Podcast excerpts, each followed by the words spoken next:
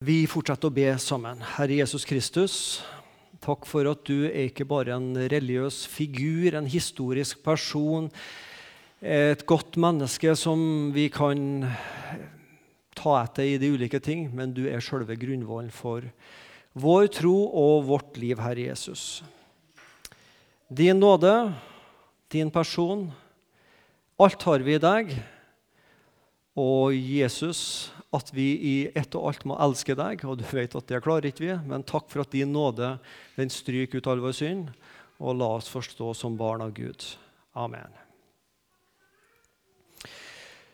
Søndagens tekst eh, som er satt opp, det er, det er fra Matteus eh, kapittel 7, 21-29. Der står det litt om falske profeter. Og så står det om å bygge eh, om å høre ordet og gjøre etter det. Eh, og hvis vi hører ordet og gjør, gjør etter Guds ord, så er vi som en byggmester som bygger huset vårt på fjell. Men hvis vi hører ordet og ikke gjør etter det, så er vi som et menneske som bygger livet vårt på sand. Den fortellinga har vi hørt fra vi var små barn av. Um, der er det, det Bibelverset der handler om altså, hva som er fundamentet for vår tro og for vårt liv. Hva bygger vi på?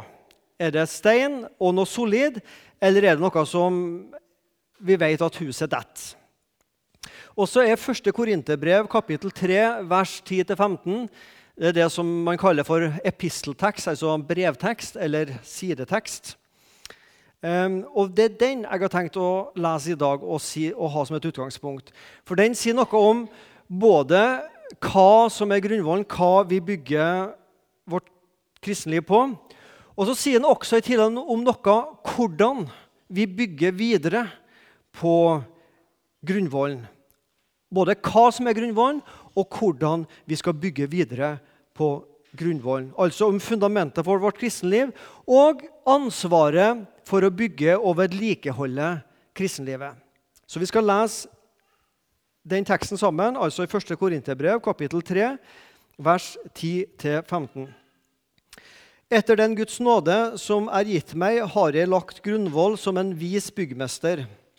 Og en annen bygger videre på den, men enhver må se til hvordan han bygger videre. For ingen kan legge en annen grunnvoll enn den som er lagt, det er Jesus Kristus. Men om noen på denne grunnvoll bygger med gull, sølv og kostbare stener, eller med høy tre og strå, da skal det verk enhver har utført, bli åpenbart. Dagen skal vise det, for den åpenbares med ild. Hvordan det verk enhver enkelt har utført eller da bygd, det skal ilden prøve. Og det byggverk han har reist, blir stående. Om det byggverk han har reist, blir stående, da skal han få lønn. Brenner hans verk opp, da skal han miste lønnen. Men selv skal han bli frelst, men da som gjennom ild.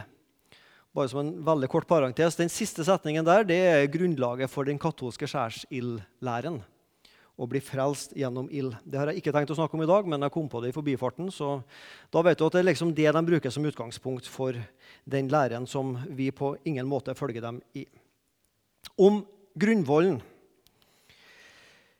Jesus Kristus, Guds ord, Guds nåde. Ingen kan legge en annen grunnvoll for den kristne tro og for vårt kristenliv enn det som er lagt, og det er Jesus Kristus. Og Det er noe godt med det. Ikke bare noe, det er jo det som er godt. At det vi skal bygge vårt liv på, det er allerede lagt. Vi menneskene vi har jo vårt livsprosjekt. Vi fødes, så skal vi leve vårt liv, og så skal vi gjøre våre valg. Og så skal enhver være sitt livsprosjekt og gjøre sitt liv, godt eller dårlig. Og det, det, det skjønner vi. Men, men, vi skal få slippe å legge grunnvollen for vårt liv og for vår tro. Den er lagt. Den er ferdig. Vi fødes inn, vi frelses inn i noe som allerede er ferdig, uavhengig av oss. Jesus Kristus, Guds ord, Guds nåde. Og Det er derfor Peter, Johannes og mange millioner etter dem har sagt det er, ingen, det er ikke frelse i noen annen enn Jesu Kristi navn. Gud har, Gud har ikke gitt noe annet navn som vi kan bli frelst med. Gud har ikke gitt noe annet tro, livssyn, tankebygning som vil stå, og som er fast, enn Guds ord og Jesus Kristus. Det er mye mennesker kan bygge sitt liv på. Mye godt også, men det er ingenting som står utenom Jesus Kristus, Guds ord og Guds nåde. Bare Jesus. Det er frelse i bare Jesus. Ikke Jesus pluss, pluss. Galaterbrevet, Der skriver Paulus til noen galatere som hadde fått det for seg at ja, jeg er frelst i Jesus Kristus, men i tillegg så må jeg bli omskjært. I tillegg så må jeg holde visse jødiske lover og regler. Da ble det Jesus pluss noe annet. Nå er ikke omskjærelsen noe aktuelt for oss som lever i 2015. Men det kan være ja, det er Jesus, men så er det pluss min åndelige vellykkethet, eller hva jeg nå kan vise Gud av gode gjerninger. Jesus, ja, pluss det jeg klarer av suksess i mitt kristenliv. Og så blir det Jesus pluss noe annet. Og med en gang du får denne plussen Jesus pluss noe annet, så er det ikke bare Jesus lenger. Da er det ikke bare nåden. Vi bygger på Jesus Kristus. Vi bygger på Guds nåde. Vi skal synge en sang litt senere i møtet som går sånn Bare på grunn av din nåde, bare på grunn av ditt blod, Far, får jeg lov til å komme fordi du er god.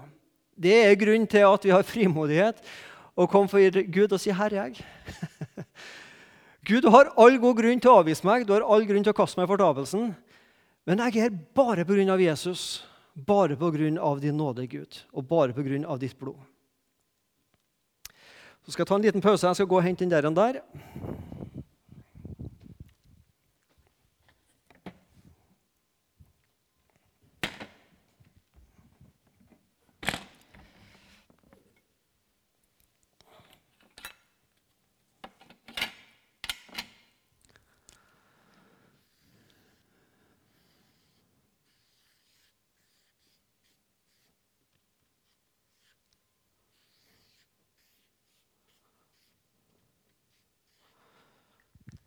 Var det forståelig? Ikke le, da. Altså, jeg kan ennå ikke skjønne hvorfor ikke jeg fikk mer enn G i tegning på ungdomsskolen. Altså, men fatter ikke at jeg fikk særs godt. Altså. Det er jo et kunstverk uten like. Um, du skal få en liten teologisk leksjon i dag. Um, jeg skal stille et spørsmål som i utgangspunktet virker veldig overflødig, men som ikke er det likevel. Guds nåde Gjelder den for alle mennesker? Jesus Kristus, døde han for alle mennesker? Og Jeg er ganske sikker på at alle her i salen vil svare ja. Guds nåde er for alle mennesker. Jesus Kristus døde for alle mennesker. Men for alle er det ikke like åpenbart. Så skal vi ta en liten sånn teologisk Ikke et sidespor, for det er det på ingen måte. Men du skal få bli kjent med noe her nå. Eh, I det siste så har kanskje dette begrepet nykalvinisme. Du har kanskje hørt det? Og jeg tenkte, jeg må, jeg må, sette meg litt inn i det. Jeg har hørt om Calvin da jeg studerte teologi, men jeg husker jo ingenting fra det. vet du, men uh, som så mye annet. Men jeg tenkte, det må jeg sette meg inn i. Så jeg har i det siste pløyd meg gjennom et lite hefte av en um, professor tror jeg, i alle fall han har veldig lærd, som heter Arne Helge Teigen, som er lærer på Fjellhaug internasjonal høgskole. Han har tatt for seg dette som har med nykalvinisme å gjøre. Og Vi skal se på dette med Guds nåde. Hvem døde Jesus for? Og Guds nåde. Og se på tre ulike måter å tenke på det på. Her er det to mennesker, og her er det et kors. Han smiler er glad og fornøyd, så han er en kristen. Ikke alltid vi smiler som kristne, men, men det skal liksom symbolisere at han der er en kristen. Og Han er da på tur mot korset. Han der han er ikke fullt så blid, så han er på vei bort fra Jesus. Og så blir spørsmålet hvem døde Jesus for? Døde Jesus for alle disse? Ja, Vi vil si selvfølgelig gjør Jesus det, men for alle er ikke dette like selvfølgelig. I det vi kaller kalvinistisk tankegang så tenker man som følgende Han her og her, han går til himmelen. Han der, han går fortapt. Og hvorfor, gjør, hvorfor går han til himmelen, og hvorfor går han fortapt? Jo, det er fordi at Gud på forhånd har bestemt det sånn. Sånn har Gud bare bestemt det fra evighet av, at han skal bli frelst, og han kommer ikke til å bli frelst. Han er forutbestemt til frelse, og han er forutbestemt til fortapelse. Det har Gud bare bestemt. Derfor, når Jesus døde, så døde Jesus for han. Og Jesu død gjelder ikke han som går fortapt. Sånn at i denne kalvinistiske tankegangen da skriver jeg en C her så er han forutbestemt til å komme til himmelen. Derfor vil han i løpet av livet møte ordet om korset og komme til himmelen. Mens han er forutbestemt til fortapelse. Og om han hører ordet om korset i løpet av sitt liv, så vil han likevel ikke komme til tro, for han er forutbestemt til å gå fortapt. Nå fins det selvfølgelig nyanser innenfor denne tankegangen her. Men i klassisk kalvinistisk tankegang så tenker de sånn om Guds nåde. Guds nåde gjelder bare han, og gjelder ikke han. Og da skjønner du, Her tenker vi litt annerledes i luthersk kristendom. For der tenker vi sånn.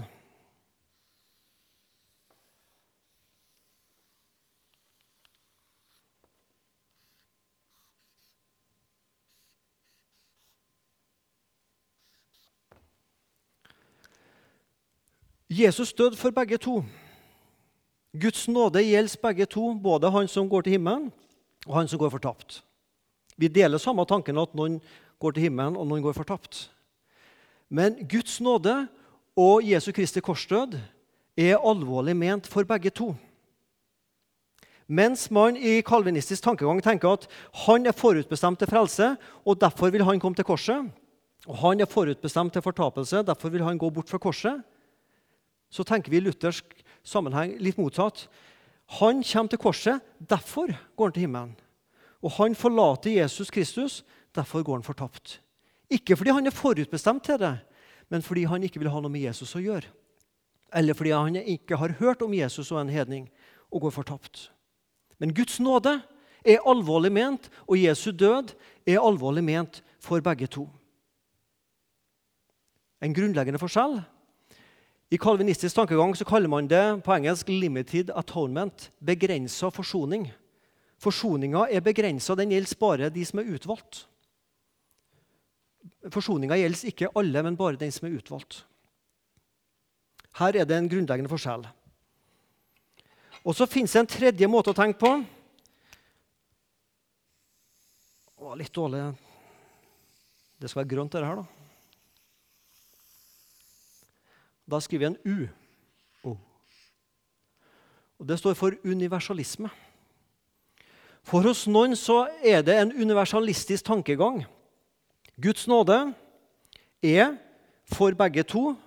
Jesus død for han som kommer til himmelen, og for han som går fortapt. Nei. Guds Jesu død for begge to, men det fins ingen fortapelse i universalismen. Der blir alle frelst. Også den som ikke vil ha noe med Jesus Kristus å gjøre. Og der kjenner vi ja, det var vel ikke helt sånn som vi tenker og tror om det. Men denne tankegangen er ikke så veldig borte vekk fra en del. For noen veldig få år siden så var det en debatt eh, i, jeg tror det var i forbindelse med Ole Hallesby sin helvetespreike, om det var noen 50-60 år siden den eller et eller annet, så i hvert fall var det en debatt i vårt land om dette med fortapelse og helvete og himmelen. Og Der var det en norsk teolog som skrev følgende. Det var rett etter amerikanerne hadde drept bin Laden. Så skrev denne teologen. Da amerikanske soldater hadde drept bin Laden, pakket liket inn i et hvitt klede og senket det i havet, da var Gud der i havet og tok imot. Kjærligheten er sterkere enn døden, og Guds rike tilhører alle mennesker. Altså, om du tror på Jesus i dette livet, eller om du ikke tror på Jesus, om du, om du, er glad i Jesu Kristi kors og død, eller om du er, hater deg likegyldig til det, betyr ingenting, fordi at alle vil til slutt bli frelst. Det er universalismen. Og disse tre måtene å tenke på er som dere ser, veldig forskjellige. Og Jeg tror ikke det overrasker noen her at jeg tilhører den, det som er tegna med rødt her, luthersk tankegang. Guds nåde er ment for alle, Jesu Kristi død er seriøst ment for alle mennesker.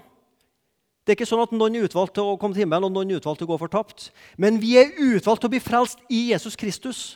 Det er der utvelgelsen ligger. Vi er utvalgt til å komme til himmelen gjennom Jesus Kristus og hans kors. Der ligger utvelgelsen. Mange er kalt, men få utvalgt. Det står noen skriftsteder som vi ikke alltid får helt til å få på formel og passe. Men det skal vi vite, alle vi som sitter her. Det er ikke sånn at noen av oss som sitter her, vi er utvalgt til å gå fortapt, og noen av oss er utvalgt til å gå og bli frelst. Vi er alle utvalgt til å møte evangeliet og komme til tro på Jesus. At det er der utvelgelsen ligger i at vi blir frelst gjennom Jesus Kristus. Guds nåde er seriøst ment for alle. Det fins ingen begrensa forsoning. Den er åpen for alle mennesker. Guds nåde er seriøst ment for alle mennesker. Men om noen på denne grunnvoll bygger med gull, sølv, kostbare stener, eller med høy, tre og strå, da skal det verk enhver har utført, bli åpenbart. Dagen skal vise det, for det åpenbares med ild. Hvordan det verk er som hver enkelt har utført, det skal ilden prøve. Hva bygger vi med? Hva bygger vi med? Jo, her sier Paulus at vi kan bygge med altså, noe verdifullt, eller noe som ja, Det går an å bygge med høy tre og strå også. Eh, noen plasser i verden bygges det mye med strå og halm, og i Norge bygges det mye med tre. Eh, poenget her er at hvis du setter en fyrstikk borti eh, gull, sølv og kostbare edelstener, så er det gull og sølv og kostbare edelstener etterpå også. Du kan bare gnikke og gnu litt på det, så er det bort. Sotmerkene. Men hvis du setter en fyrstikk borti det andre, så vet du hva som skjer. Fordi at vårt verk det skal prøves som gjennom ild. Og i ilden er det noe som brenner opp, og så er det noe som står og blir bevart. Noe verdifullt. Å bygge mitt kristenliv på tre, høy og strå det er noe som altså ikke står i ildens prøve. Du kan bygge med det, men det er en tro uten fundament og innhold. Hvis jeg vil bygge mitt kristenliv på mine gode gjerninger, min ytre åndelige suksess, min vellykkethet, hvis det fins noe som heter det, mitt bibelliv, mitt bønneliv, min givertjeneste, min offervilje, min tjenestedyktighet Alle disse gode tinga, så vil ikke det stå i ildens prøve. Det er ikke noe feil med Bibel og bibelliv og bønneliv. ikke sant? Det skjønner vi. Men det er ikke noe jeg kan bygge på. Det er ikke noe fundament som jeg kan si at for Gud Se her. Se mitt liv. Hvis jeg kommer fram med Gud på det på dommens dag, i ildens prøve, så brenner det opp. Men gull, sølv, kostbare edelstener For meg er det et annet uttrykk for evangeliet. Guds nåde. Ikke bare bygger vi på Guds nåde, men vi bygger også med Guds nåde. Og vi bygger Guds rike med Guds nåde. Å være en kristen og vokse som en kristen, det er å vokse i nåden. Og så er det dette begrepet nåde. Hva betyr det? Hva betyr nåde? Den beste definisjonen jeg har lest på det, er følgende. Nåde det er når Gud gir meg det jeg trenger, og ikke det jeg fortjener. Og hva er det jeg trenger? Jo, jeg trenger tilgivelse for mine synder. Og hva er det jeg fortjener? fortjener? Jo, det er straff for mine synder. Og når Gud gir meg det jeg trenger, tilgivelse, og ikke det jeg fortjener, straff, så er det av nåde. Det er nåde, folkens. Gratia, grace på engelsk. Det som er gratis, det som er ufortjent, det som er uavhengig av meg. Evangeliet er de gode nyhetene om en Gud som elsker meg uavhengig av min kristelighet og min ærlighet, hvis jeg nå har det. Det håper jeg jeg har. Men utelukkende elsker meg pga. Jesu Kristi offerdød og soningsdød for mine og dine synder. Det er nåde. Det er noe å bygge på. Det er noe å leve på, og det er noe å dø på. Å bygge hus det er en kontinuerlig prosess. En kontinuerlig prosess. Tidligere i sommer så var jeg i et bryllup, og en eh, prest holdt en veldig flott vigselstale til to ungdommer som gifta seg. Og Presten snakka om at ekteskapet det er som å bygge et hus. Um, å gifte seg, da stifter man på en måte et nytt hus. En ny enhet, en ny familie, et nytt fellesskap. Og det var veldig flott til disse studentene da, som var studert til å bli ingeniør og arkitekt. så var det veldig flott av pressen på en måte å snakke om husbygging. Han traff liksom blinken veldig godt der, syns jeg, i sin vigselstale. Og så var pressen sitt poeng til disse ungdommene når dere nå gifter dere, så stifter dere et nytt hus. En ny enhet. Men dette huset må vedlikeholdes. Det er ikke sånn at Er du først gift, så, så går liksom alt av seg sjøl. Det vet vi som har vært gift noen år. Det må vedlikeholdes. Og det kan det sies mye om, skal jeg ikke si i dag, men det vet vi noe om alle vi som er gift. Det trengs noe vedlikehold. Ekteskapet er en kontinuerlig prosess. Frelsa er ingen prosess, og det er godt. Jesu Kristi korsdød og at han tilgir oss, det er, ingen, det er ikke noe en prosess vi er i. Det er noe som er gjort én gang for alle mennesker, for all synd. Guds frelseshus det er bygd én gang for alle, for alle mennesker, på korset og oppstandelser. Men å bygge kristenlivet mitt og ditt videre, det er en kontinuerlig prosess. Og I denne prosessen så kan jeg bygge altså med høy, halm, og strå og tre, noe som brenner opp. Eller jeg kan velge å bygge med gull, sølv og edelstener. Guds nåde. Noe som tåler ildens prøve. Vi kan altså bygge med dårlige materialer, eller vi kan bygge med gode materialer. Men det fins også en tredje mulighet. Altså, Du kan bygge med dårlige materialer, du kan bygge med gode materialer. Men det fins en tredje mulighet, og det er å ikke bygge i hele tatt. Det er å ikke bygge i det hele tatt. Enhver må se til hvordan han bygger videre, sier Paulus. Enhver kristen har ansvar for sitt kristenliv, og du og jeg må se til hvordan bygger vi videre i vårt liv. Altså, vi skal bygge. Vi skal ikke bare når vi har blitt kristne, sette oss ned på rumpa og vente på himmelen. Vi er kalt til å bygge i kristenlivet. Og Nå er vi inne i en ny sommer.